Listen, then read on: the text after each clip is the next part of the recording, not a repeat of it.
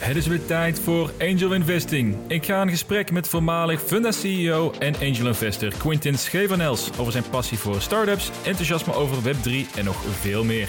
Dit is de Mr. John Podcast.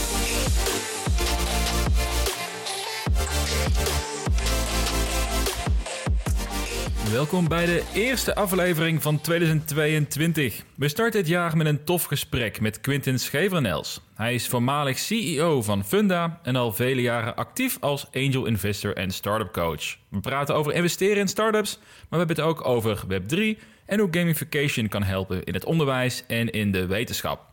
Overigens alvast mijn excuses als ik zelf iets lastiger te volgen ben deze aflevering, want door mijn enthousiasme praat ik iets sneller dan gewoonlijk. Maar gelukkig is Quentin heel goed te volgen. Voor de volledigheid, alles wat besproken wordt in deze aflevering is entertainment en geen financieel advies, dus doe altijd je eigen onderzoek. En vind je dit een toffe podcast en wil je de show steunen, dan zou ik het waarderen als je je abonneert en een score wordt achterlaten via Apple Music of de Spotify app. Veel plezier met deze aflevering. Quentin, goedemorgen. Goedemorgen. We hebben net al, ik denk al de eerste 15 minuten hebben we alles besproken. Ja, we hebben de warming-up gehad. we hebben het over NFT's gehad, blockchain, crypto. We kunnen eigenlijk de aflevering al stoppen. Leuk dat je ja. hebt geluisterd. En, uh, nee, nee. Ja, uh, tof dat ik met jou in gesprek kan. Uh, ook over, ja, eigenlijk mag ik wel je passie noemen, angel investing. Of ja. een hele leuke hobby. Hoe, hoe noem je het zelf? Ja, nee, ik denk wel een hobby die toch ook wel een beetje semi-professioneel is geworden. Ja. Ja, ja? Ja, maar wel heel erg vanuit, nooit vanuit het idee van, oh, ik wil dat professioneel doen. Ik wilde geld mee verdienen, maar meer om, omdat ik gewoon een beetje geld had. En dat geld aan het werk wilde zetten. En het gewoon heel erg leuk vind om te kijken naar nieuwe dingen die opkomen. Jonge ondernemers met goede ideeën. Die graag wil helpen. Vaak ook wel meer dan alleen maar geld. Dus ik denk dat mijn echte onderscheidend vermogen is niet zozeer als angel het geld. Mm -hmm. Maar het is denk ik ook meer gewoon de kennis en de ervaring die je hebt. Het netwerk. En dat kan je natuurlijk allemaal gewoon beschikbaar stellen. Aan ja, vaak toch jonge ondernemers die een beetje minder ervaring hebben. Ik vind het wel leuk. Als ik, als ik dus met meerdere angel investors praat, krijg ik heel veel die reactie krijg ik terug. De mensen zeggen, het gaat me niet met geld. Ik vind het gewoon leuk om met startups bezig te zijn. Ik wil mensen helpen. Dat proef ik ook wel bij jouw verhaal eruit. Wat, wat, maakt dat zo, wat maakt dat zo leuk dan? Nou, ik vind het, en dat is als angel uh, zie je dat gebeuren. Maar ik denk ook wel, hè, daarnaast heb ik natuurlijk gewoon een leven waar ik uh, CEO ben. Uh, daar vind ik het ook heel erg leuk om gewoon talentvolle mensen in het bedrijf, en zo kan je ook talentvolle founders, kan je ook zo zien, om die eigenlijk te helpen bij de passie die ze hebben, het avontuur waar ze mee bezig zijn. Hoe kan je hun helpen om gewoon beter te worden, impact te hebben? Ik vind het ongelooflijk bevredigend als je daar een klein beetje bij kan helpen en je ziet mensen en dus ook bedrijven echt gewoon gaan vliegen. Dat is ongelooflijk leuk. Ja, heb je daar ook al voorbeelden van? Van bedrijven die, die je op zag komen heel vroeg, die, die ook echt kunnen helpen om zo'n stap te zetten? Ja, ik heb het gezien met uh, bedrijven en dus ook echt met, uh, met individuen. Ik vind zelf een heel mooi voorbeeld Bridge Fund. Dat is een fintech bedrijf. de twee founders, destijds twee founders, één van die founders is nu nog zeg maar actief in het bedrijf. Die waren bezig met een totaal ander concept. Daar liepen ze een beetje mee vast. Ik kende een van de jongens uit het verleden. Die belde mij op. Die zegt: Quinten, wil je een keer met ons zitten? Want ja, dit model loopt vast en we zijn aan het stoeien wat we moeten doen. Allerlei gesprekken gehad. Eigenlijk in de activiteiten die zij hadden zat één soort verborgen diamantje. Daar zijn we toen op gaan inzoomen. En op een gegeven moment kwamen we op het punt: we moeten stoppen met alles dat we doen. Dit is interessant.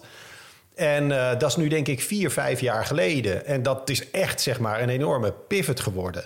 Waarbij uh, met name de founder-CEO ook een enorme ontwikkeling heeft doorgemaakt. En dat is vandaag de dag een clubje waar ik denk dat we nu met 40, 50 man personeel zitten. Dat zal volgend jaar maal 2, maal 3 gaan.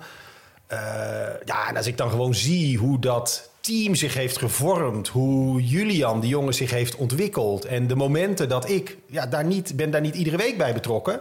Maar dat je wel het gevoel hebt dat je op hele bepalende momenten toch een beetje de sparringpartner bent of de mentor bent die gewoon kan helpen om keuzes te maken. Mag ik dan ook stellen eh, dat, dat eigenlijk Angel Invest is eigenlijk een soort de next best thing naast het starten van je eigen start-up, omdat je zo betrokken bent erbij en zo eh, impact kan maken voor ze? Ik, ik vind angel investing leuker dan ja? het. Ja, ja, ja zeker. zeker. Omdat uh, angel investing is. Uh, ik zit liever in die uh, mentorachtige rol. dan dat ik zelf eigenlijk helemaal blanco zou beginnen. Dat ben ik gewoon niet. Dat is mijn profiel niet. Anders had ik dat vermoedelijk al eerder gedaan. en dit is wat makkelijker schaalbaar. Dus dit kan ik gewoon natuurlijk bij uh, 10, 20 start-ups tegelijkertijd doen. En als je natuurlijk zelf een start-up begint, ja, dan ga je echt uh, all in zeg maar, op dat ding. Dus op mijn profiel en karakter past dit eigenlijk beter. Hoe, hoe, hoe ben je er ooit op gekomen? ik, toen ik ging googlen ook, even natuurlijk inlezen voor dit gesprek. Ik moest eerst zo zeven pagina's heen van Quinten, de, de CEO van Funda. Ja. Nou, toen kwam ik eindelijk een keer een podcast tegen, gelukkig van Mark Tuitert, waar je het ook had over angel investing en over andere zaken. Um, en ook in mijn omgeving hoor ik altijd, oh je praat, gaat met Quinten praten, hij is van Funda. En volgens mij is het, het lijkt een beetje een soort publiek geheim dat je ook heel veel met angel investing doet en startup coaching. Dus ik dacht, ik zit zo meteen met de Bruce Wayne van Nederland aan tafel, ik al. Nee, nee, nee, helemaal niet. Helemaal iets te scherp gesteld? Ja, ja, ja, ja. nee, nee, nee. nou, uh, ik doe dat angel investing nu al uh, ruim tien jaar. Ik denk dat dat de afgelopen uh, drie, vier jaar is, denk ik, bij de meer recente zoekresultaten op Google. komt Funda gewoon hoger eruit, omdat dat actueel is en omdat ja, Funda is natuurlijk gewoon ja, soort, uh, uh, um, hoe noem je dat, uh. Dat, dat is zo'n bekend bedrijf. Dus ja, mijn naam daarmee geassocieerd, dat is natuurlijk een beetje meer, meer de spotlight. maar, maar ik denk dat het voor zeg maar de investeerders en ondernemers die actief zijn in de hoek waar ik me met name op richt, zeg maar als angel uh, daar is het geen geheim, zeg maar, dat ik behoorlijk actief ben als angel. Die, als ik kijk hoeveel pitch decks ik gewoon iedere week krijg en zo. Dus wel redelijk bekend dat ik daar actief ben. Ja, nee, dat, ja. Eh, de mensen met wie ik heb gepraat hierover, die zeggen ook meteen... oh, je gaat met Quinten zitten? Nou, die kennen we wel. Dus dat is, daarom is het ook zo leuk om hierover te kunnen praten. Ja, ik zoek er alleen ook niet uh, als uh, CEO van Funda... zoek je natuurlijk veel meer de publiciteit op als CEO van Funda... En ben ik natuurlijk veel minder bezig om op de voorpagina van de krant te komen als Angel of zo. Dat, dat is helemaal niet interessant, vind ik. Eh. Nee, nee, dat begrijp ik. Dat is inderdaad een hele andere dynamiek waar je dan, waar je dan in zit. Ja. Maar ik, ik las een, een, interview met Quote van 2020, geloof ik, was dat. En toen vertelde je dat je... Um, hiervoor heb je bij Layer heb je, heb je het goed gedaan ook. Je hebt het goed gedaan met aandelen, vertelde je. En opeens heb je de stap gemaakt naar investeren in startups. Ja. Hoe heb je toen die beslissing genomen?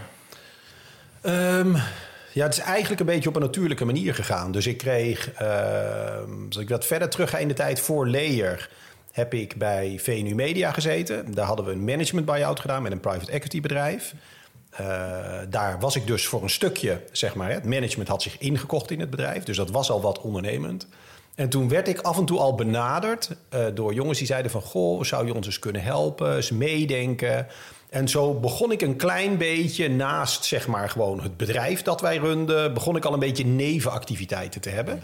En dan op een gegeven moment dan ja, beginnen mensen daar een beetje over te praten. werd ik door iemand anders gebeld en die zei van goh, we zijn een beetje op zoek naar funding. Zou je dat interessant vinden? Denk, nou ja, ik had wel een beetje geld over. Het gaat niet om miljoenen. Hè. Ik bedoel, even, ik doe echt early stage investment, dus dat zijn wel kleinere bedragen.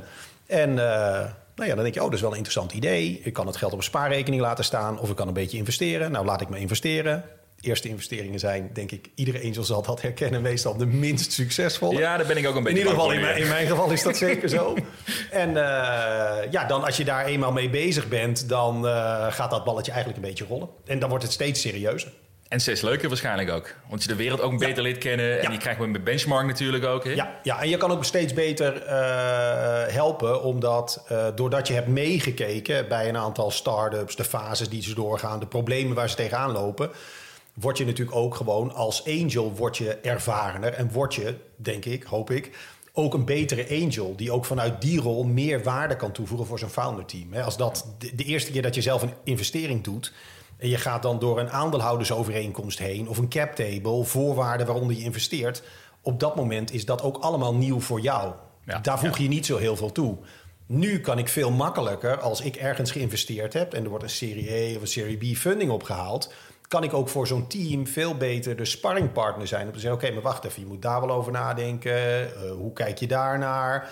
Uh, misschien moet ik je even in contact brengen met een goede jurist... die ervaring heeft met dit soort dingen en niet al te duur is omdat je dat in de loop der jaren heb je dat gewoon zelf meerdere keren meegemaakt. Ja, en, en, daar ook natuurlijk zelf je fouten gemaakt. En uh, ja, dan hoeft iemand anders die fouten niet meer te maken. Nee, ja, precies. Je bouwt gewoon ervaring op natuurlijk. Het is net zoals, je, zoals jij bent gegroeid in je rol als CEO bijvoorbeeld, groeit ik ook in je rol als angel investor. Ja, ja. Wat was nou je eerste angel investment?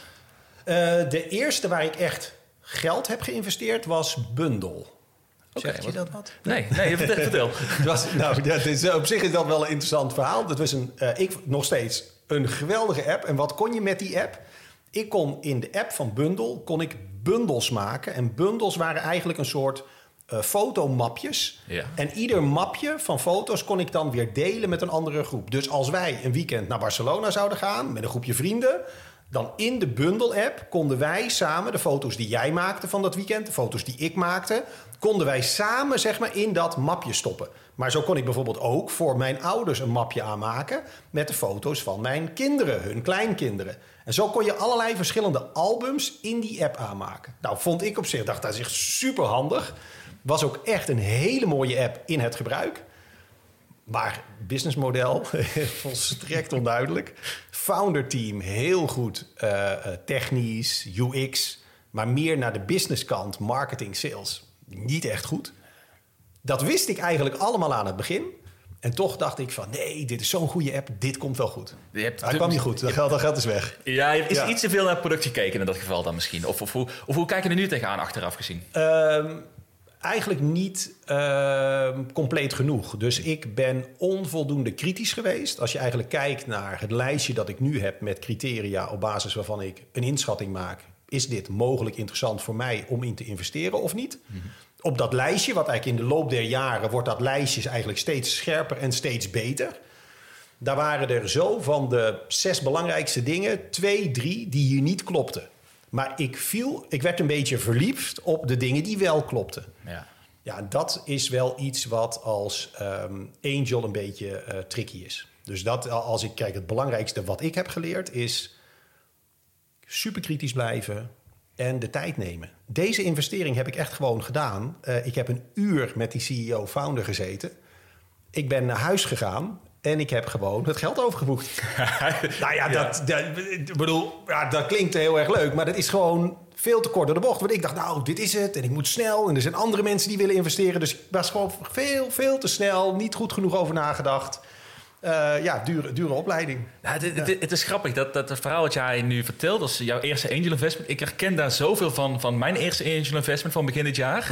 dat, je, dat je blij bent dat je mee mag doen. Dat je eigenlijk niet kan wachten om jezelf als angel investor neer te kunnen zetten. Eh, dus laten we gaan, ik, ik ga het gewoon doen. Ja. Terwijl je eigenlijk niet eens de kans hebt gepakt om echt te praten met het bedrijf. Echt de, de diepte in te gaan. Wat doen ze nou? Hoe ziet het businessmodel eruit? En heel kritisch te durven zijn ook. Ja, hè? Echt kritisch van, oké, wacht even.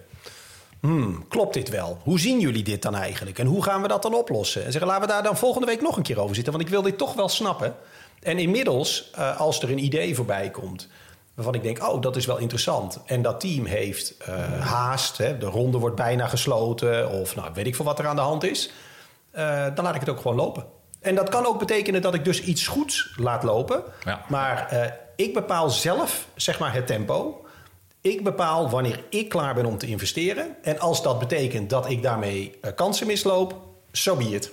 Is dat ook niet gewoon een kwestie van ervaring na een tijdje? Als je zoveel deals gezien hebt, zoveel hebt meegemaakt, dat je ook gewoon makkelijker die keuze nu kan maken? Ja, denk ik wel. Denk ik wel. Ja, dus het is ervaring dat ik me eh, eh, heb gezien als ik dat negeer, dat het bijna altijd fout gaat.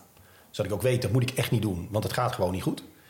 Eh, en ik denk ook wel een beetje de, eh, de luxe dat ik relatief veel, eh, dealflow noemen ze dat dan, hè, Ja. dus relatief veel pitch decks opgestuurd krijg. Dus ik kan wat dat betreft ook wel selectief zijn. Hè. De, ik, er wordt meer funding aan mij gevraagd dan ik funding beschikbaar Ja. heb. Maar ook- ook- Dus ik moet wel kiezen. Hoe komt dat? Deze week was ik wel benieuwd naar. Hoe bouw je nou zo'n dealflow op? Ik kan me voorstellen, je hebt natuurlijk, je tien jaar bij al bezig. Dan kom je inmiddels, bouw je ook een netwerk op natuurlijk. hè. Ja. Maar hoe, hoe heb jij dat bij je eerste fase, hoe heb je dat gedaan? De eerste, eerste jaar of twee drie, dat je mee bezig was? Ja, als ik daaraan terugdenk, ik, ik ben natuurlijk vanaf, eh, zeg even, eh 2000 ben ik bezig met internet, technologie, noem maar op. En dat was toen, hè, inmiddels hebben we natuurlijk in die industrie alleen al in Nederland honderdduizenden mensen werken. Maar toen was dat super klein, weet je. Dat waren gewoon eh, 100, 200 man in Nederland die dat deden. Waardoor ik wel echt in dat, dat ecosysteem, zeg maar, een beetje zit. Dus ook nou, wat meer mensen van het eerste uur, die kende je dan al. En wij spraken vaker over nieuwe ideeën. Dus dan, dan zit je wel een beetje in het, in het hart van het ecosysteem. En als je dan op een gegeven moment besluit om eh, te gaan investeren... en als je dat dan ook nog eens doet eigenlijk in de markten die je relatief goed kent... waar jij dus ook relatief bekend bent... ja, dan gaat het gewoon heel snel gebeuren als, eh, ja, ik denk heel veel meer marktplaatsachtige modellen in Nederland... als eh, founders daarmee bezig zijn...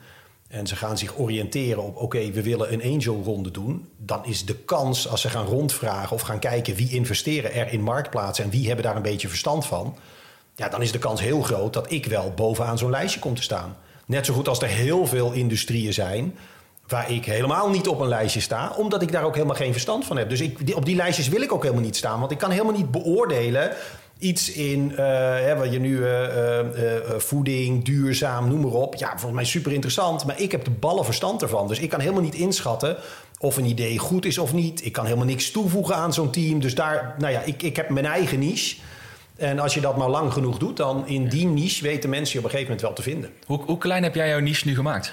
Ehm, ja, dus hij, mijn, mijn niche is eigenlijk uh, marktplaatsen, platformen, SaaS en HR tech, zeg maar. Dat zijn een beetje de, de drie segmenten die soms een beetje overlappen met elkaar. Hè? Dus heel af en toe heb je, het is NHR en het is SaaS en het is marketplace. Um, ja, die zijn op zich natuurlijk al gigantisch groot. Hè? Dus je sluit heel veel uit. Maar ja, SaaS, dat is natuurlijk mega, mega groot. Ja, en, en marktplaatsen begonnen natuurlijk ooit een beetje B2C. Maar inmiddels ook B2B heb je natuurlijk allerlei nieuwe marktplaatsmodellen die opkomen. Uh, dus dit, eigenlijk is dit al voor mij, om dat een beetje te behappen, is al meer dan groot genoeg. En dan heel af en toe maak ik een opportunistisch uitstapje. Uh, maar dan zoek ik altijd um, andere angels erbij die wel uit die markten komen, zodat uh, eigenlijk de validatie die ik niet zo goed kan doen, dat zij dat wel kunnen doen. Ja, dan haal je gewoon je kennis haal je erbij natuurlijk, ja, wat je al zegt ook. Ja. En hoe, ben ik benieuwd, je had het net over een soort, een soort proces waardoor jij dus eh, beoordeelt of je wilt investeren in een start-up. Ik zag je laatst ook een, een tweet erover plaatsen, of een LinkedIn-post had je ja, ja, zetten door geplaatst, mijn zeven punten. Uh, waar, waar let jij nou precies op voordat je zo'n investering maakt? Ja, dus ik vind er zijn eigenlijk een aantal dingen zo in de loop der jaren die je op je checklist gewoon uh, zet. En ik begin eigenlijk altijd dat ik gewoon wil snappen van wat is nou eigenlijk het probleem dat deze start-up probeert op te lossen. En is dat ook echt een probleem dat de moeite waard is om op te lossen? Hè? Dus zitten gebruikers, klanten hier nou echt op te wachten of niet? En dat klinkt als een enorme open deur, maar als je er zo naar gaat kijken, krijg je best wel veel pitch decks waarvan je echt denkt van oké, dat is nice to have, maar niet echt need to have. Dus ik, ik vind dat heel erg belangrijk. Dus uh, betekent ook dat je need to have, dat dat per definitie niet is? Of moet het echt een hele grote kans zijn voor je? Ja, nee, er moet echt wel, er moet echt wel bij, bij gebruikers moet je echt wel iets komen brengen waar ze heel blij van worden. Of er moet ergens heel veel pijn zitten. Dus als, als, als jij met een oplossing voor dit probleem komt, dat de markt daar enorm open voor staat. Dat is wel heel belangrijk. Want als dat er niet is, ja, dan moet je iets echt uh, gaan opdringen en noem maar En dat, dat is echt wel lastig. Dus ik, ik ben wel op zoek naar uh, um, uh, gewoon pijn in de markt bij gebruikers. Dat is de eerste, dus het moet echt een probleem zijn. Dan de tweede is, ik moet het idee hebben dat het team wat tegenover me zit... een oplossing in gedachten heeft die waarschijnlijk ook echt dat probleem zeg maar, kan oplossen. Die de pijn kan wegnemen. Hè? Dus dat daar echt wel een soort match zit tussen het probleem en de oplossing. En als je dat hebt, nou, dan ben je eigenlijk al een behoorlijk eind uh, op weg. Hè? Dus er komen nog allerlei andere criteria. Nou, hoe groot is deze markt nou eigenlijk? Zijn er al andere partijen die dit probleem ook oplossen? Hoeveel concurrentie ga je daar krijgen? Wat voor businessmodel moet je aan denken? Is dat volstrekt onduidelijk of kristalliseert zich dat al redelijk uit? Hebben ze misschien zelfs al wat betalende klanten?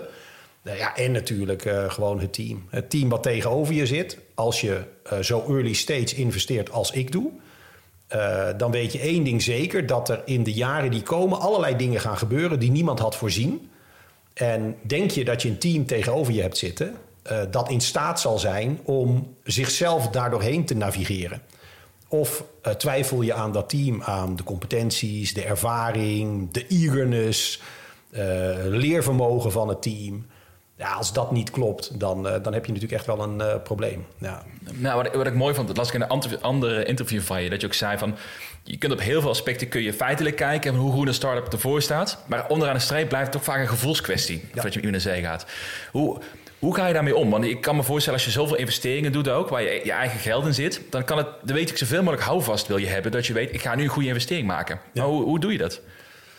Nou ja, dus die, de checklist is dan dus heel belangrijk. Uh, meerdere keren zeg maar het team spreken. Dus dat is, hè, ik gaf net dat voorbeeld van bundel, gewoon uur zitten, app gebruiken, zelf enthousiast, geld overboeken. Ja, oké, dat is niet echt. dat is een goed idee. En ik, er zullen heus wel angels zijn die dat ook gedaan hebben en een soort lucky shot daarmee hadden hoor. Maar goed, dat, ik had beter uh, een straatje staatsloten kunnen kopen, denk ja, ik. precies. Uh, maar ik wil dus ook echt een uh, team meerdere keren spreken. Dus dat ik voorkom dat een eerste gesprek ongelooflijk uh, leuke energie, heel veel enthousiasme.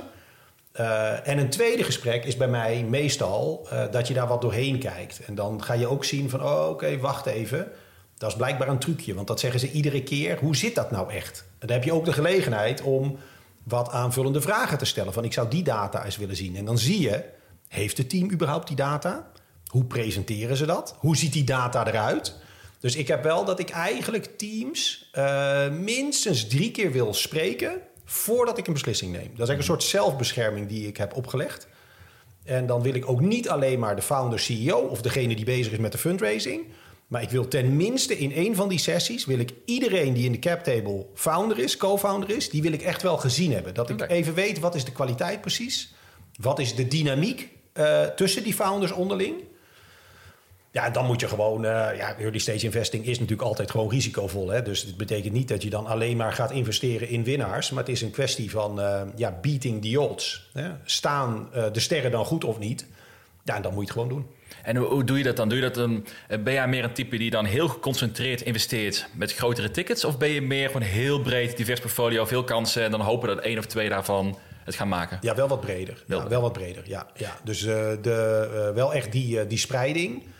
Uh, want dat early stage is zo risicovol dat ik niet echt het idee heb van uh, je kiest er twee of zo en dan zeg maar al, al het vermogen dat je beschikbaar hebt om daarin te investeren, dan schuif je dat maar naar twee.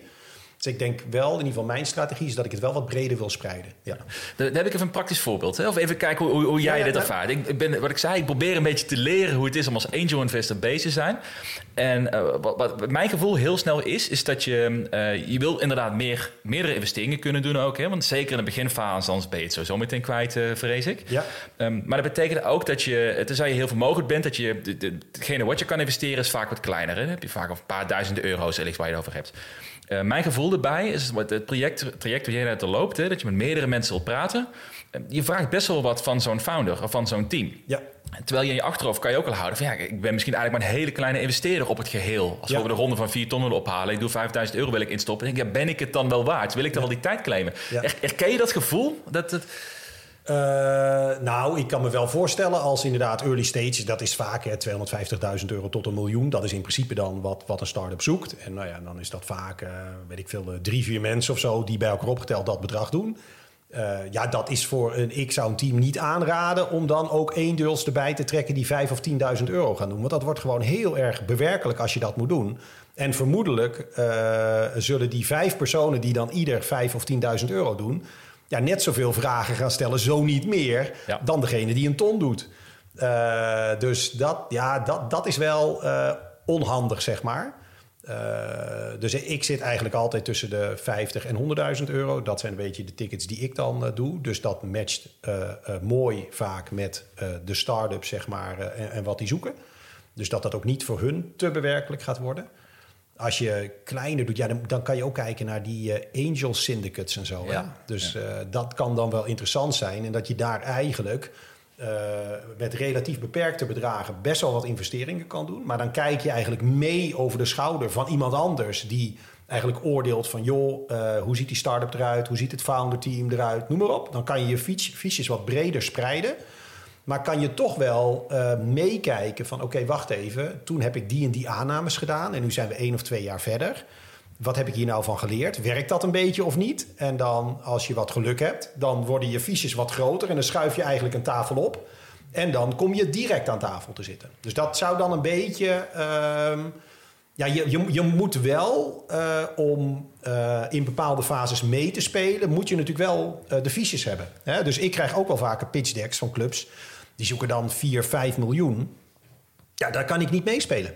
Ik heb gewoon die fiches heb ik niet. Ja, ja. Dus uh, ja, dan houdt het op. En dan, vind je, dan zeg je, joh, hartstikke leuk idee. En uh, ik kan jullie prima helpen als je een soort raad van commissarissen... of een raad van advies. Of misschien als je mentor. Maar als angel zijn de bedragen die jullie zoeken. Tickets van een miljoen. Ja, in één start-up, dat is gewoon out of my league. Dat doe ik niet. Ja. Dus daar moet je dan ook wel duidelijk zijn. En soms zitten daar hele interessante dingen bij.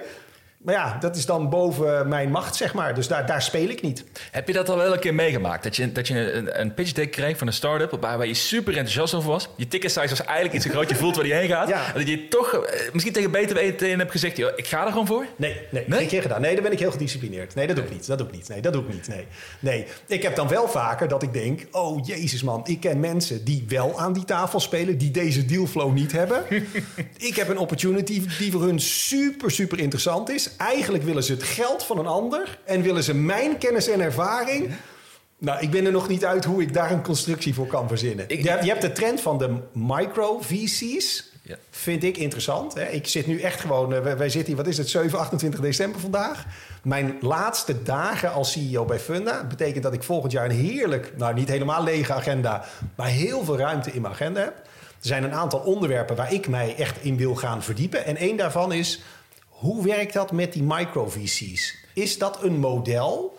Wat voor mij als angel, een soort next level angel, zou het dan interessant zijn om een micro-VC te worden of niet? Want wat is een microvisie? Dat is eigenlijk een beetje als je. Ja, de, de, de analogie met het casino is niet helemaal de goede. Maar eh, als je herinnert, daar heb je zeg maar zo'n blackjack tafel. En daar zit iemand vooraan en die eh, zet fiches neer. En als jij denkt dat hij goed speelt, dan kan jij daarachter kan jij ook fiches neerzetten. En soms heeft degene die zelf speelt, zet één fiche neer. En er staat iemand achter, die zet er wel tien neer. Hè? Die speelt eigenlijk mee op de kwaliteiten van eh, de speler. En eh, dat is eigenlijk ook een beetje wat een micro-VC is. Dus dat is een soort eh, angel on steroids. Die zoekt een aantal vermogende mensen erbij. Die eigenlijk zeggen van, joh, ik heb wel vermogen, maar ik heb eh, niet de kennis en ervaring om eh, direct in deze categorie start-ups te investeren. Of ik heb er geen tijd voor, ik heb er geen zin in. Uh, maar ik zou wel heel graag eigenlijk met jou mee willen doen. En dat creëert dan eigenlijk een soort van hefboom. Want zo'n start-up die dan 4 miljoen zoekt, waar ik misschien zeg, nou, ik wil best wel een ton doen. Daar zegt dan iemand anders die in jouw micro-VC-fonds zit, die zegt, ik vul dat wel aan met uh, 8 ton of zo. Omdat diegene gewoon veel meer vermogen heeft. Maar wat is daarmee het verschil met een syndicate? Want wat, wat, even als voor de toelichting, een syndicate heb je één persoon die de lead daarin neemt. Hè? Je Ja. kunt zelf op inschrijven. Je hebt een rolling fonds bijvoorbeeld, dat je één keer per kwartaal er iets in kan stoppen ook. En je profiteert eigenlijk van de kennis van diegene die doet het werk voor je. Ja. Wat is ermee het verschil met, met, met een microvisie? Ik denk dat er niet zo heel veel verschil is. Misschien is het grootste verschil, maar dat weet ik niet helemaal zeker. Hè. Er staat een beetje op mijn lijst om mij daarin te gaan verdiepen. Ik heb het idee dat zo'n uh, uh, micro-VC meer uh, handpicked is en dat het wat kleiner is. Hè. Dus dat ik, ik heb daarbij het idee uh, dat dat bijvoorbeeld zou zijn dat ik vijf, zes mensen heb die meedoen in dat fonds. En that's it. Dus niet meer dan dat. Ook, dat zijn ook niet bij zo'n angel syndicate zijn vaak wat kleinere bedragen. Dit zijn in principe juist de grotere bedragen. Mm, ja. uh, dus dat, dat, is een beetje het beeld dat ik vind. Dat, dat, dat kan wel interessant zijn om in ieder geval uh, uh, die pitch decks die ik af en toe krijg van hele interessante clubs, maar eigenlijk voor mijzelf als angel gewoon al te ver. Kan je daar op die manier toch iets mee doen? Ja, ja het is, wel, is wel interessant. Inderdaad, je draait het om wat je zegt. Hè? Angels, uh, bij syndicates, veel kleine investeerders, hele groep. En nu heb je eigenlijk een hele kleine groep met groot vermogen. Dus ja. je draait het vooral om. Ja. Je leveraged jouw kennis en je netwerk daarin exact. natuurlijk. Ja, ja nee, zeker. Zeker. Ja, en ik ben, heb ik ook al eerder gemerkt dat er ook gewoon een aantal... Uh, uh, uh, mensen zijn met meer vermogen... die dan regelmatig zeggen van... joh, Quinten, zijn er nog dingen? Kan ik nog ergens meedoen? noem maar op. Ja, en dan zit ik vaak, heb ik die mismatch dat waar ik investeer, zijn voor hun de tickets eigenlijk te klein. Ja, ja. En als ik niet meer investeer, omdat de tickets voor mij te groot worden, dan wordt het voor hun interessant. Nou ja, kan je daar iets op verzinnen of niet? Nou, ik zie een hele mooie ouderwetse vraag- en aanbodkwestie ja. uh, langskomen. ja, ik vind het wel leuk. Toen ik, ik zat met uh, Paul Veugen, denk ik een maandje geleden, ook, ook hierover gesproken. En toen zei hij ook iets soortgelijks. Die ook een kijker was naar zo'n fonds op te kunnen zetten ook. Zo'n soort uh, micro-VC-fonds. Ja. En hij vertelde toen ook van dat hij, dat hij eigenlijk merkt dat er in Nederland heel weinig gebeurt. Met echt goede mensen die, die een netwerk hebben, uh, snappen wat ze doen ook. Dat heel weinig van dat soort mogelijkheden zijn. Is dat iets wat... Ervaar jij dat ook Of, is het meer vanuit je eigen passie dat je dit wilt gaan opzetten? Of overweegt? Oh, ja, dat vind ik wel een beetje uh, lastig. Dus het beeld wat ik wel heb is zeker uh, early stage. Is uh, de markt heel gefragmenteerd. Dus zowel de, de start-ups die er zijn... als de angel investors. En als je wat groter wordt dan wordt het landschap wat overzichtelijker. Want je hebt niet zo heel veel visies in Nederland. En je hebt niet zo heel veel partijen die 3, 4, 8 of 10 miljoen doen. Maar die hele fase daarvoor is het voor uh, angels best wel lastig om interessante investeringen te vinden.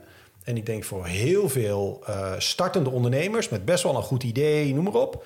Ook heel erg lastig om die investeerders te vinden. Dat is wel, uh, daar zit best wel een mismatch. Dus ik denk dat er zat geld is, zat mensen zijn die graag willen helpen. Ik denk dat er zat goede ideeën zijn en goede ondernemers. Uh, maar heel vaak is het heel lastig om elkaar te vinden. Ja, nou, en daar gaat denk ik heel veel tijd verloren. Dan eindig je soms met een investeerder waar je heel veel gedoe mee krijgt. Of die eigenlijk helemaal niet snapt waar het over gaat. Uh, of dat je veel te veel aandelen of rechten weggeeft aan het begin, omdat je het nooit eerder hebt gedaan. Dus daar zit wel een, uh, ja, een issue waar ook uh, TechLeap een beetje dingen probeert te doen. En natuurlijk een Startup Bootcamp of Rockstar, Antler, noem maar op. Maar ik heb het idee dat dat nog steeds een hele gefragmenteerde, ondoorzichtige markt is. Ja, nou, wat, wat me opviel daaraan, wat je nu vertelt... ik zat te kijken op dealroom.co ook... van wat er investeringen zijn geweest in Nederland dit jaar. Nou, drie keer zo hoog als vorig jaar. Ja. Maar volgens mij twee derde van het geld gaat echt naar de grote tickets. En die, de, de starters waar je het over hebt... die krijgen nog steeds heel weinig... ten opzichte van, van andere, uh, andere landen. En ik kreeg ook een vraag, die heb je lang voorbij zien komen op, uh, op Twitter, denk ik. Volgens mij van uh, Rogier Klimby. Heb ik, zeg ik het nou goed? Ik heb hem opgeschreven. Ja, Rogier Klimby. Die vragen van, ja, hoe kijk je nou tegen het, het investeringsklimaat in Nederland? Zie je dat, is het anders ten opzichte van andere landen? En hoe, hoe, ja, wat, wat is jouw gevoel daarbij?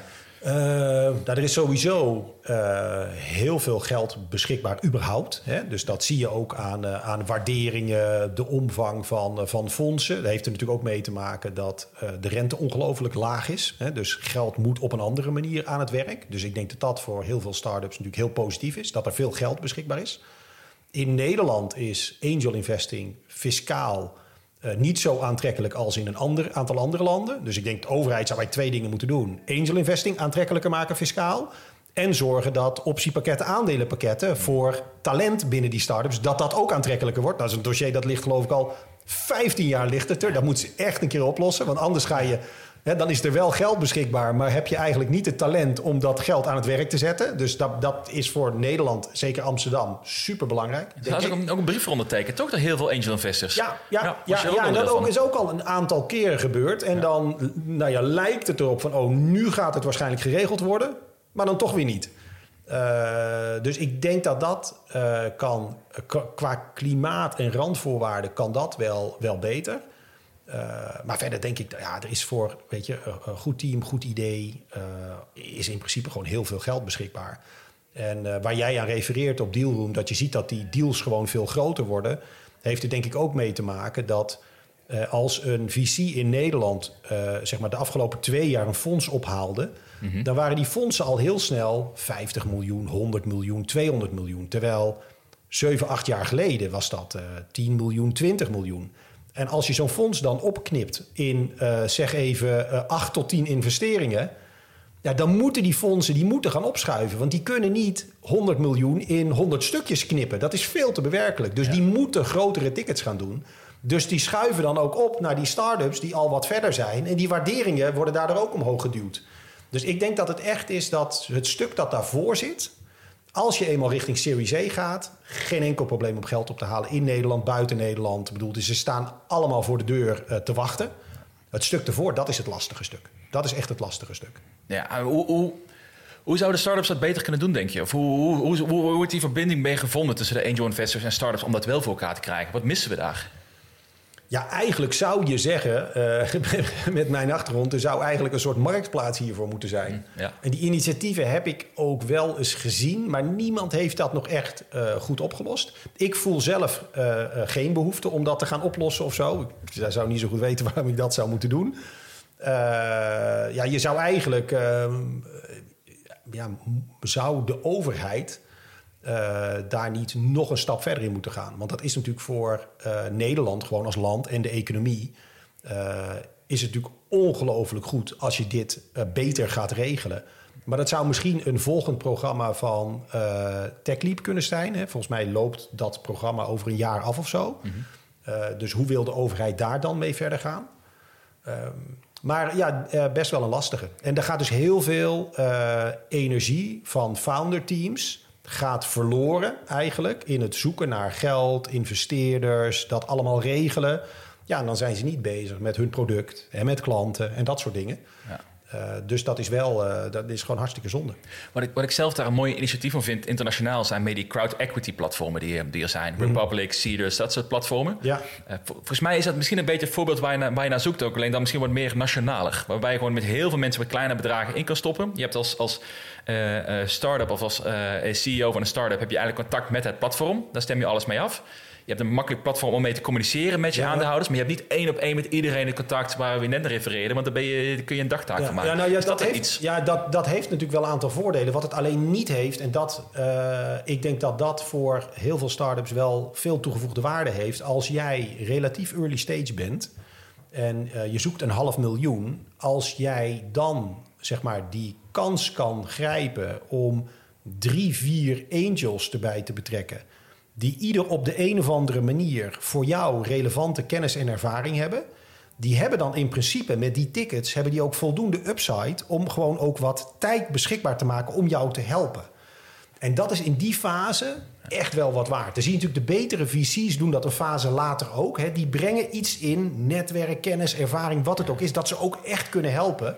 En dat is natuurlijk een beetje het nadeel als je crowdfunding doet, dat de tickets zo ongelooflijk klein worden en dat je zo veel verschillende hele kleine investeerdertjes hebt, ja, daar kan je eigenlijk niks meer van verwachten. Ja, ja, wat je zegt klopt inderdaad. Je hebt niet meer de kennis en het netwerk wat je eigenlijk wilt toevoegen. Dat hele aspect mis je eraan. Ja. Je hebt alleen nog maar het geld. Maar goed, dat is natuurlijk een aspect van de investering. Maar ja, en dat is op zich wel, wel belangrijk. Maar ik denk dat het uh, minstens zo belangrijk is, uh, early stage, dat je gewoon mensen erbij trekt die de markt kennen waarin jij zit, of die meerdere keren hebben meegemaakt hoe je schaalt van 5 naar 10, naar 50, naar 100, naar 200 mensen, die voor jou een soort klankbord uh, kunnen zijn om jou gewoon daarbij te helpen. Ik denk dat dat eigenlijk uh, vaak, als je een beetje de luxe hebt, is dat nog meer waard uh, dan het geld, denk ik. Ja, nou ja, dat kan ik me heel goed in vinden. Zeker in die fase, inderdaad, de start-up fase, waar zoveel fout kan gaan ook in het hele proces. Ja, ja. Ik heb nog één vraag over angel investment. En dan ben ik heel benieuwd om te kijken naar trends en een beetje innovatie. Want daar was je net ook heel gepassioneerd over. Dus dat wil ik de mensen niet, uh, niet missen zo meteen. Nee,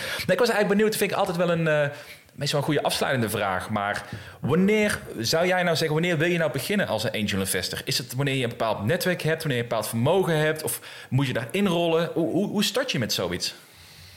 Ja, ik denk dat je verschillende manieren hebt zeg maar, om daarmee eh, te starten. Ik heb, maar dat is ook een beetje in de, uh, de tijd uh, toen... ja, had helemaal nog niet dat crowdfunding, angels, syndicates, noem maar op. Dus weet je, als die optie er wel was geweest... had ik dat misschien een beetje eerder gedaan. Dus ik heb eigenlijk daardoor gewoon wat, wat, wat langer gewacht... tot ik wat grotere tickets kon doen, relatief wat groter.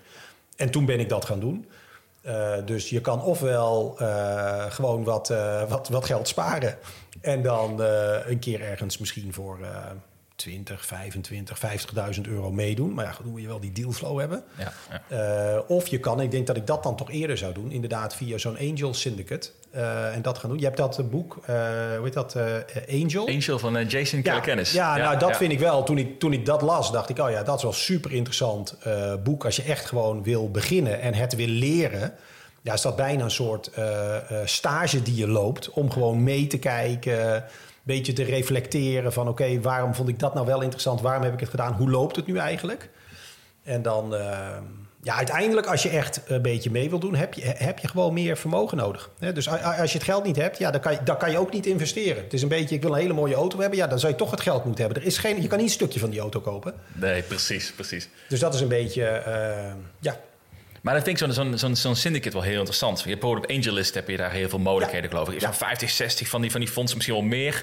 Die allemaal heel een specifiek onderwerp hebben. Een hele specifieke missie af en toe hebben ook. Waar je voor nou, bijvoorbeeld 5 tot 10.000 dollar per, per, kwartaal zou kunnen instappen al. Ja, Misschien nog wel minder zelfs. Maar ben je dat, dat is, dat is mijn gevoel erbij. Hè? Ben je dan niet, um, word je wel genoeg betrokken dan bij de, bij de deals dat je ook iets van leert? Of is het er meer van, ik stop mijn geld erin, daar wordt iets mee gedaan en ik zie wat eruit komt? Uh, ik denk dat je een beetje kan kiezen. Hè? Dus je kan gewoon kiezen van, joh, ik kan uh, wat aandelen op de beurs kopen. Of ik kan gewoon uh, van een wat bekendere angel, kan ik gewoon daar meedoen. prima. En ik hoef verder niet te weten hoe het gaat. Ik hoor wel wat het rendement is. maar een aantal van die platformen, daar is natuurlijk ook gewoon heel transparant in. De pitch decks die je kan lezen, de updates die daar gepubliceerd worden. Dus dan kan je echt, ja, je hebt er niet zoveel over te zeggen. Ik bedoel, je kan niet zeg maar bellen en zeggen van jongens, jullie moeten nu linksaf, want het gaat helemaal fout. Maar je kan wel gewoon uh, dan van oké, ik heb dat pitch deck gezien. Ik vond het om die en die reden aantrekkelijk. Ik denk dat dit en dit gaat gebeuren. En dan een kwartaal later, een half jaar later, een jaar later krijg je ook de updates. En kan je kijken, oké, gebeurt dat nu eigenlijk? Wat is er eigenlijk aan de hand? De inschattingen die ik toen heb gemaakt op basis van ik heb gezegd, ja, ik doe voor een paar duizend euro mee. Klopte dat nou een beetje of niet? Dus ik denk, ja, als je wil, uh, kan je daar dan ook jezelf gewoon in bekwamen en ervan leren. Dat, dat denk ik wel. Ja, ja toch. Ik, dat ga ik sowieso zelf een keer uitzoeken. Ik had meer de perceptie dat je dus erin zit van... hier heb je je geld en doe maar wat, wat ik eigenlijk net zei. Maar misschien toch de moeite waard om dat iets meer te gaan uitzoeken. Want ik, uh, ik moet zeggen, ik begin het ook wel een beetje lullig te vinden... dat ik continu tegen uh, naar pitchchecks moet zeggen van... ja, wil je 15.000 euro investeren? En ik zeg, ja, ik heb misschien 5.000 euro voor je. Ja, ja. en dan vragen ze of ik een nulletje vergeten ben. Dus, ja, uh, ja maar ja, dat is inderdaad gewoon... ja, dat is dan wat ik net zei. Dan zit je gewoon eigenlijk aan de tafel waar ja, met, je zit met de kleine fiches. Dus dat is, ja, dat, en dat kan heel uh, lullig voelen. Zeker als het best wel goed idee is en best wel goed team. Ja, je zit eigenlijk te, te vroeg aan de grote mensentafel. Ja. Eigenlijk komt daarop neer. Ja, ja. Maar ik vind het wel een, en dat is altijd, er zijn altijd uh, tafels met grotere mensen. Hè? Dus dat geldt voor iedereen op een gegeven moment komen ook hele vermogende uh, uh, mensen in Nederland komen aan tafels te zitten waar het over bedragen gaat, waar ook zij niet meer mee kunnen doen. Dus het, is altijd, het zijn altijd mensen met meer geld. En heb je moraal van het verhaal, gewoon die grote mensen aan jouw tafel krijgen met je micro-VC-fonds waar je over Ja, nou ja, dat, ja, dat is wel interessant om te gaan uitzoeken. Ja, precies. Ja. Quinten, laten we het hebben over tech en over innovatie. Ja. We hadden het net erover, toen, toen we kort de introductie hadden ook. Ik zei NFT's, ik zei ik snap er niks van. Jij zei ik vind het geweldig. Ja, ik snap er ook niks van, maar ik vind het wel geweldig. ja, dat is een mooie combinatie. Ja, ja. Uh, even los van NFT's, hè. We hadden het net al over. Ik vind het zo interessant om te zien hoeveel er nu speelt qua ontwikkelingen. Als je kijkt naar, naar crypto, is een paar jaar bezig, maar nu uh, NFT's wat eraan zijn komen. De blockchain die veel meer begint door te breken, wat steeds praktischer begint te worden. De Web3 wat eraan komt. Hou jij het allemaal nog bij? Uh, nee, nee, nee. Dat is, het enige is, ik, ik raakte wel, uh, zeg maar. Nou, eigenlijk zo, zo opgewonden als ik ooit was uh, toen het internet zich aankondigde. Lang geleden, meer dan twintig jaar geleden. Before days. Ja, nou, de, maar eigenlijk wel een beetje... Uh, daar heb ik maar een paar keer gehad. Dus dat was aankondiging van het internet. Ik weet nog heel goed de eerste iPhone die ik in mijn hand had. Toen dacht ik echt, holy shit, dit is zo game-changing. En uh, daar kon ik het wel heel goed duiden, want het was obvious. Je had het in je hand en je wist meteen, oké, okay, shit, dit is echt iets... En bij dat uh, uh, Web 3 noem ik het dan maar even. Hè, dat knal ik alles eronder. Dus crypto, blockchain, NFT's. Ik gooi het allemaal even onder Web 3. Wat misschien helemaal niet klopt, maar in mijn hoofd zit dat nu even zo. Uh, dat kan ik niet zo heel goed duiden. Maar ik denk wel, oh, oké, wacht even. Dit is gewoon, hier gaan een aantal dingen bij elkaar komen. Hier, zijn nu, hier gaat zoveel geld naartoe. Hier zijn nu zoveel slimme mensen mee bezig. Hier zitten een aantal onderstromen die zo fundamenteel zijn. Dit gaat de komende vijf à tien jaar gaat dit, dit, gaat van alles gebeuren. Dit is gewoon heel, heel gaaf en heel spannend. Is, is er dan iets binnen dat domein wat jij nu heel specifiek in de gaten houdt? Of kijken we naar Web3 in zijn algeheel? Uh, nou, ik ben wel, en dat is misschien ook een beetje de uh, ervaring. Uh, ik zit heel erg te kijken naar ehm, niet de hype, maar wat er eigenlijk onder zit. Dus meer de wat fundamentele drivers uh, van Web3. Dus bijvoorbeeld, ik ben niet zo heel erg geïnteresseerd in de volgende cryptocurrency die weer komt. Denk, ja, oké, nou weet ik niet. Welke zijn echt interessant? Denk ja, Bitcoin is echt wel fundamenteel anders. Dat vind ik dan interessanter. Ja, dan maak je niet waarschijnlijk nog een keer 10, 20 keer je geld, maar vind ik wel echt anders. Ethereum, het platform dat erbij zit, vind ik ook meer ecosysteemachtige play.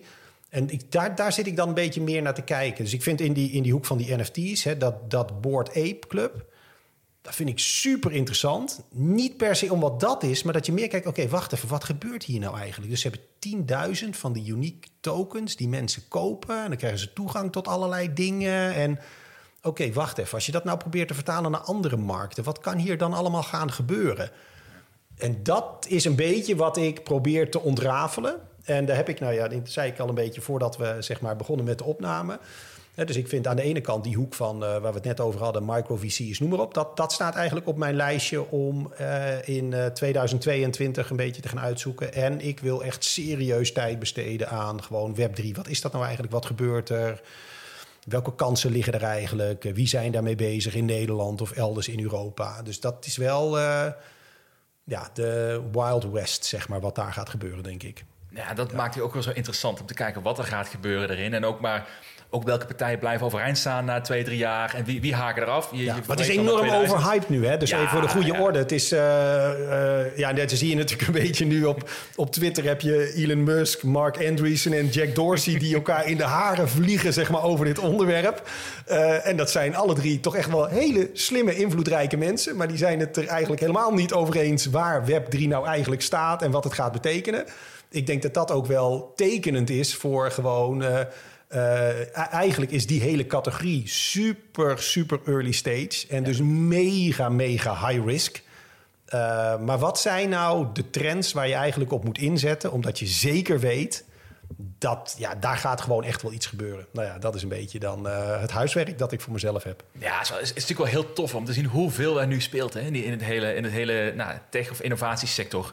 Uh, NFT's, blockchain, we noemden net al. Er zijn nog, nog meer andere ontwikkelingen die er, die er spelen. Uh, wat, ik, wat ik zelf heel interessant vind daarin vinden ook, is van...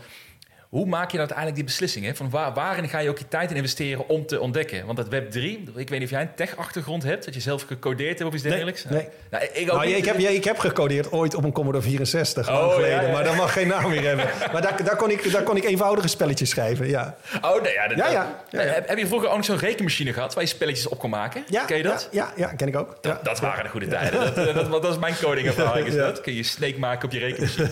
uh, maar dus ik, wat, je, wat je zei, zijn heel veel slimme mensen zijn ermee bezig. Heel veel mensen die echt tech begrijpen, die de inhoud snappen. Um, en dat is best wel moeilijk om echt te volgen ook. Om, om er echt in te verdiepen, om te begrijpen wat het is. Omdat het nu nog steeds zo'n technische fase is. En zo, het, het, praktische nut is nog een beetje... Dat volgt nog, hè, zo'n idee heb ik. Net als met blockchain. We zoeken eigenlijk... We hebben een oplossing gecreëerd voor een probleem wat er nog niet bestaat. Zo voelt het af en toe. Ja. Um, maar maar er, speelt, er speelt wel iets waar je iets mee wil. Maar hoe ga je dat een grip op krijgen? Wat er allemaal mee speelt? Er is zoveel. Ja, ja. Ja, dat is goed. Ja. nee, er is, uh, er, is inderdaad heel veel. Ik denk uh, uh, gewoon met mensen praten die er meer van weten dan jij ervan weet. Dat is überhaupt altijd een hele goede. dus op zoek gaan naar wie in Nederland zijn hier al langere tijd mee bezig. wat zijn de mensen op Twitter, internationaal, die een beetje de frontrunners hier zijn. Uh, welke partijen schrijven hier rapporten over? Uh, ik heb pas een, een, podcast van, het is echt de langste die ik ooit heb geluisterd, bijna vier uur, waarin eigenlijk de hele Ethereum, hoe dat begonnen is, wat het is, echt super in detail werd ontleed. Ja, dan, ik ben eigenlijk dan gewoon een beetje een soort college aan het volgen, waar ik mijn eigen ja, college samenstel. echt hardcore technisch. Uh, ja, dat, dat ben ik niet, ben ik ook nooit geweest. Uh, dus ik zoek meer naar waar gaat echt business en schaal ontstaan. En dan denk ik toch, toch dat de technologie uiteindelijk gewoon ondergeschikt en niet leidend is. Nou ja, dus dat zoek ik eigenlijk meer. Nou, ik, ik, ik, zit even door te denken. Wat voor praktische voorbeelden zijn er nou hè, van de techniek die eraan is te komen? En wat ik zelf een hele mooie vind, is dat de, opkomst van digital ownership. Mm dat je, ik zei al vroeger, toen we 20, 30 jaar geleden, misschien onze ouders, die zeiden: als je niet in je handen kunt houden, als het niet fysiek is, dan, dan bestaat het niet. Ik moet het kunnen voelen. Dat ja, verhaal. Ja. Uh, kinderen die nu opgroeien, die groeien op met het verhaal van... Ik, als ik in, in een spelletje een, een, een, skin heb of ik heb bepaalde schoenen... dan is dat ook gewoon van mij. Dat is ook ownership. Dat voelt exact hetzelfde. Ik denk dat daar heel veel staat te gebeuren. Ja, zeker. zeker. Ja, en dat vind ik geweldig. Hè. Ik, heb, uh, ik heb drie kinderen. De jongste is acht, de oud, oudste is 15. Dus dat zit allemaal in uh, Roblox, Fortnite, weet ik veel wat allemaal.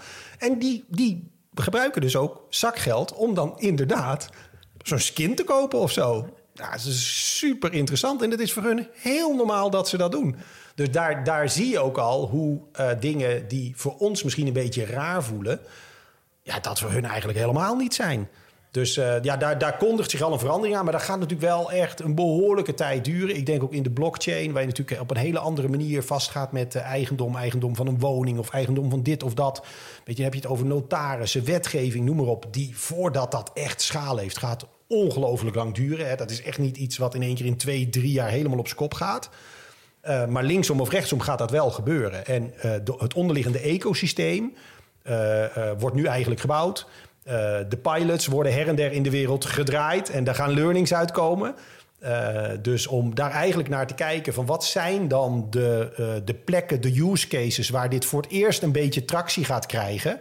Ja, dat is natuurlijk super interessant. En dan kan je, nou ja, vroeger keek je heel vaak voor de nieuwe dingen. Waar gebeurde dat? Dat was in adult content, dat was gaming, daar kwam, kwam video, interactie, daar kwam online betalingen. Nou, het wordt heel interessant om nu te kijken van wat zijn nu met Web 3 wat zijn use cases die daar gaan ontstaan en wat vertelt dat eigenlijk? Wat zijn de volgende dan? Hè? Bol.com begon met boeken en daarna kwam consumentenelektronica. En nu kan je ongeveer. We kopen onze boodschappen inmiddels ook al online. Nou, dus ik denk dat je ook een beetje zo moet kijken naar Web 3 van wat zijn. Uh, de, de Board Ape Yacht Club, gewoon uh, uh, geinig dingetje. Maar wat is het nou eigenlijk? En wat zijn onderliggend de dingen waar het echt gaat gebeuren? En in welke stapjes gebeurt dat? Nou, dat is een beetje mijn zelfstudie. Zal er een beetje om gaan kan ik op een of andere manier dat een beetje ontdekken van wat dat dan gaat zijn, waar dit echt gaat beginnen, waar het zich gaat wortelen. Ja, ja, en dat is natuurlijk heel mooi om te kijken naar, naar de kinderen waar, waar zij natuurlijk mee bezig zijn. Hè? Met Roblox, wat je voor vertelt. Ik hoorde laatst ook een verhaal, dat kun jij misschien bevestigen of niet bevestigen. Dus als je in Roblox, als jij het standaard kapsel hebt van je karakter, ja. dan ben je eigenlijk een loser in de game. Klopt dat? of, uh... nou, dat, dat zou ik eigenlijk, dat weet ik niet, maar dat sluit ik zeker niet uit. Ik zou zo mijn kinderen moeten vragen, maar het zou heel goed kunnen dat dat inderdaad zo is. Ja, die zijn heel erg bezig met, uh, nou ja, weet je, je hebt Nike Land in Roblox. En dan is die kleinste van mij acht jaar. En die zit dan dus al te kijken van... oké, dan kan ik daar sneakers uitzoeken. Dan kan mijn poppetje heeft dan van die Air Jordans aan. En dat kost dan eh, 4 bucks of weet ik veel hoe dat heet in dat spelletje. Dus dan betaalt hij eigenlijk met crypto... wat hij dan verdiend heeft in het spelletje. Maar dan kunnen ze ook bijkopen met echt geld... Nou ja, daar zie je al iets gebeuren. Dan denk je, oh, oké, wacht even, virtuele wereld, meta, wat gebeurt hier nou eigenlijk? Weet wat, wat, wat, me nu, wat me nu besef eigenlijk, is dat Roblox zou wel eens de eerste stap kunnen zijn tot adoptie van zeg maar crypto. Ja. Van dat het heel normaal is om dus muntjes te verdienen, muntjes te ownen. Ja, Dat straks die stap om te zetten om een eigen wallet te hebben, is natuurlijk veel makkelijker voor kinderen. Hoe groei je daarmee op? Ja hoor, en ze kunnen ook gewoon uh, die, die, die crypto, die muntjes, kunnen ze ook delen met anderen, met wie ze spelen. En dat zit volgens mij ook in dat GTA en dat zit in, in al die spelletjes zit dat allemaal al. Ook, ook de 3D-ervaring zit in heel veel. Ik bedoel, dit is natuurlijk gewoon... als mijn kinderen die spelletjes zitten te doen... die zitten al in de virtuele... die zitten al in de metaverse, of hoe dat ding ook heet. Daar zitten zij al in. Ik, dus. ik merkte ook laatst... dat als je eh, vanuit games kan je zoveel voor elkaar krijgen. Vanuit spelelement. Ik, eh, ik las laatst een podcast had ik te luisteren. Die zei dat ze een, eh, ze een heel groot wetenschappelijk probleem hadden ze. Kwamen, heel veel wetenschappers kwamen daar gewoon niet uit. Die hebben daar een game van gemaakt. Zijn binnen 10 minuten hadden 20.000 games hadden het antwoord gevonden. Door het in, een spelelement die, die het probleem op te gaan, op te gaan sluiten. en ik vind het wel heel tof om te horen dat als, als je kinderen als spelende wijze kennis laat maken met de nieuwe technologie, om het even zo te noemen, zoals crypto dan. Of, of straks een metaverse waar ze in zitten. Daar gaat die adoptie natuurlijk zo snel. En dan worden wij gaan allemaal leren straks van de kinderen. Die zeggen, jou, uh, ouwe, je moet gewoon een portemonnee aanmaken, digitale wallet, waar heb je het over? Dit is niet zo moeilijk. Maar dan moet je ook voorstellen wat jij nu zegt. Even, wat, wat gaat dat voor onderwijs betekenen? Mijn kinderen zitten gewoon op school, die zitten nog naar boeken te kijken. Dezelfde boeken als die ik 30 jaar geleden zeg maar, op school had. Oké, dat kan toch heel veel beter, heel veel anders. Ik bedoel, de onderwijssector in geld, hoe groot is dat? Mega. Dus daar gaat een enorme disruptie plaatsvinden. Uh, en dat moet over de scholen en dat zijn vierjaren programma's. Dus dat gaat niet zomaar even. Maar dat ziet er over 10, 15, 20 jaar totaal anders uit. En dat zullen waarschijnlijk niet eh, de bekende uitgevers van schoolboeken zijn die dat gaan doen. Dat zullen waarschijnlijk wat andere clubjes zijn die dat gaan doen. Nou ja, zo is. En, daarom dat ik ook altijd zeg: je moet het ook weer terugbrengen naar. Uh, Oké, hoeveel kan ik in ieder geval met uh, de beperkte capaciteit die ik heb, hoeveel kan ik bevatten? Daar wil ik me dan in verdiepen. Want er zijn ja, zo ongekend veel opportunities. Dat is gewoon, ja, dat is niet te doen eigenlijk. Nou, ik merk ook dat als je het kunt dromen, dan kun je bijna voorstellen dat het ook gaat gebeuren. Ja. Ik zat laatst ook over met, met mijn vader te sparren. Die is heel erg in, in artificial intelligence is hij mee bezig. is heel tof die, die daarmee bezighoudt. En die, die zei ook van, nou, we waren een beetje aan het sparren erover, wat gaat er nou komen? En we dachten dan binnen tien jaar bijvoorbeeld, nou misschien wel eerder, krijg gewoon een chipje krijg gewoon in je hand eh, krijg gebouwd, die gewoon je hele lichaam meet. Hoe zit het met je bloeddruk? Heb je, heb je bepaalde stoornissen? Uh, zijn er sensoren waar iets mis is met je? Nou, dat signaal gaat meteen naar je telehealth provider. Ja. En die gaan, wordt meteen voor je opgelost. Je wordt meteen gesignaleerd. Maar kijk, wat, wat, heb je, wat heb jij om voor horloge? Volgens mij is dat ook zo'n Garmin-ding, of niet? Ja, nou, het is van Samsung, maar die meet je inderdaad ook. Ja, toch? Nou, dit, bedoel, ik heb zo'n zo'n ding en daar ga ik dan mee hardlopen. En als ik al zie wat dat allemaal meet heel veel daarvan gebruik ik verder ook niet. Maar dan word ik wakker en dan kan ik zien in die app hoe mijn, hoe mijn slaapkwaliteit was. En hoe dit en de stress door de dag heen. En de saturatie. En dat ding meet al alles. En dat is nog maar het begin. Maar eigenlijk is dat, wat, wat uh, vind ik een goed voorbeeld, die, die smartwatch je hebt. eigenlijk is dat een soort domme data eigenlijk die je hebt. Hè. Je, je hebt het, je kunt er naar kijken, maar je, je, doet er eigenlijk niks mee en er wordt niks actief mee gedaan. Nee. Maar als we vijf jaar verder zijn en we, we, krijgen iets waarmee die data wel actief gebruikt wordt en je, je, spoort problemen op of je helpt met bepaalde problemen oplossen. Ja, ja dan, gaat, dan gaat natuurlijk zoveel weer veranderen daarin. En ik denk zelf wel dat... Uh, ik ben benieuwd of, trouwens, hoe jij, hoe jij dat ziet. Ik heb het gevoel dat het de laatste jaren zo snel gaat met technologie... dat eigenlijk bijna niets meer ondenkbaar is. Behalve vliegende auto's misschien. Ja, ja. Nee, ook dat kan wel. uh, ja, ja, nee, nee, ja, ik denk dat je gelijk hebt. De, de, de, maar je kan je ook geen voorstelling maken. Bedoel, als je twintig jaar terug gaat in de tijd... heel veel dingen gewoon vandaag de dag had je niet kunnen voorstellen. En uh, als we tien jaar vooruit gaan of twintig jaar vooruit... Ja, ik, ik, ik, het is zo moeilijk om je daar überhaupt een voorstelling van te maken. Maar ik denk wel, uh, toch overwegend super positief wat er allemaal kan. En schuilen daar ook gevaren in, misbruik, noem maar op. Jazeker, bedoel, dat zien we nu ook met social media, noem maar op. Maar overwegend, als we alles wat er met technologie kan... op een goede, verantwoorde manier gebruiken... ja, dan is de impact op kwaliteit van leven, noem maar op... welvaart, uh, ja, de, de, gelijkheid van welvaart, kansen die mensen krijgen... Ja, dat is ongekend. Dat is echt, dat kan je niet voorstellen daar, daar ben ik in de basis ben ik daar wel heel positief over. Ja. ik vind het interessant. Jij, bent, je, merkt dat jij, jij verdiep je in die stof ook. Je weet wat eraan te komen. Je weet hoe je dat kunt gebruiken in je positieve. Uh, je hebt nog heel veel mensen natuurlijk die er naar kijken... en die zijn een beetje bang zijn dan voor verandering. Die denken, ja, over een jaar... waarom zou ik een chip in mijn arm moeten hebben? Daar kan allemaal gekke dingen mee gebeuren. Ja. Gaat er ooit een moment komen, denk je, dat, dat, dat... Hoe gaat het gebeuren dat mensen langzaam toch erin gaan groeien? Dat ze toch gaan zien dat technologie het niet per se iets is om bang voor te zijn? Of denk je dat het onbewust toch wel blijft hangen van nieuwe dingen zijn eng. Nee, dat, nee, nieuwe dingen zijn eng. Dat is volgens mij van alle tijden. De, de, mens houdt niet zo heel erg van, eh, van verandering. Uh, dus ik denk dat je dat altijd houdt. En uh, ja, ik denk ook wel, er gaan ook wel dingen gebeuren die natuurlijk niet, niet goed zijn. Hè? Waar er inderdaad data breaches of misbruik wordt gemaakt, noem maar op. Uh, dus ik ben ook niet van, oh, het komt allemaal wel goed op een natuurlijke manier. Uh, maar in de basis denk ik dat het heel goed is. Ben ik misschien wat naïef dat ik ook wel gemiddeld genomen geloof in een soort goedheid van de mens en regulering. En als je echt kwaad doet, dan gaan je klanten of je consumenten, gebruikers, die gaan wel bij je weg. En de overheid zal wel proberen een aantal dingen te gaan reguleren.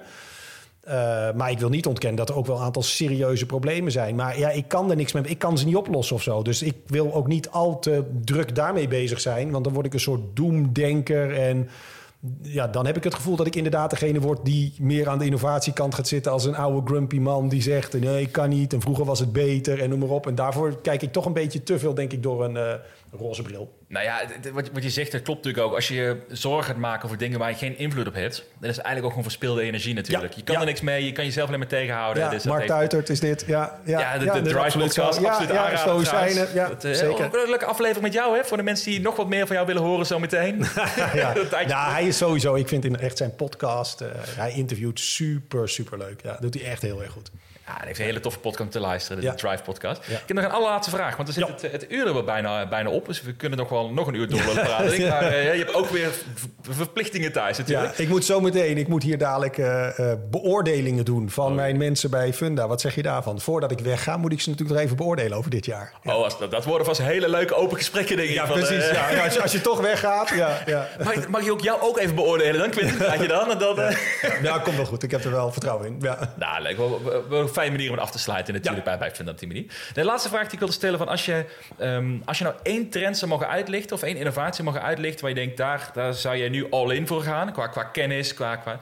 Wat zou dat nu zijn?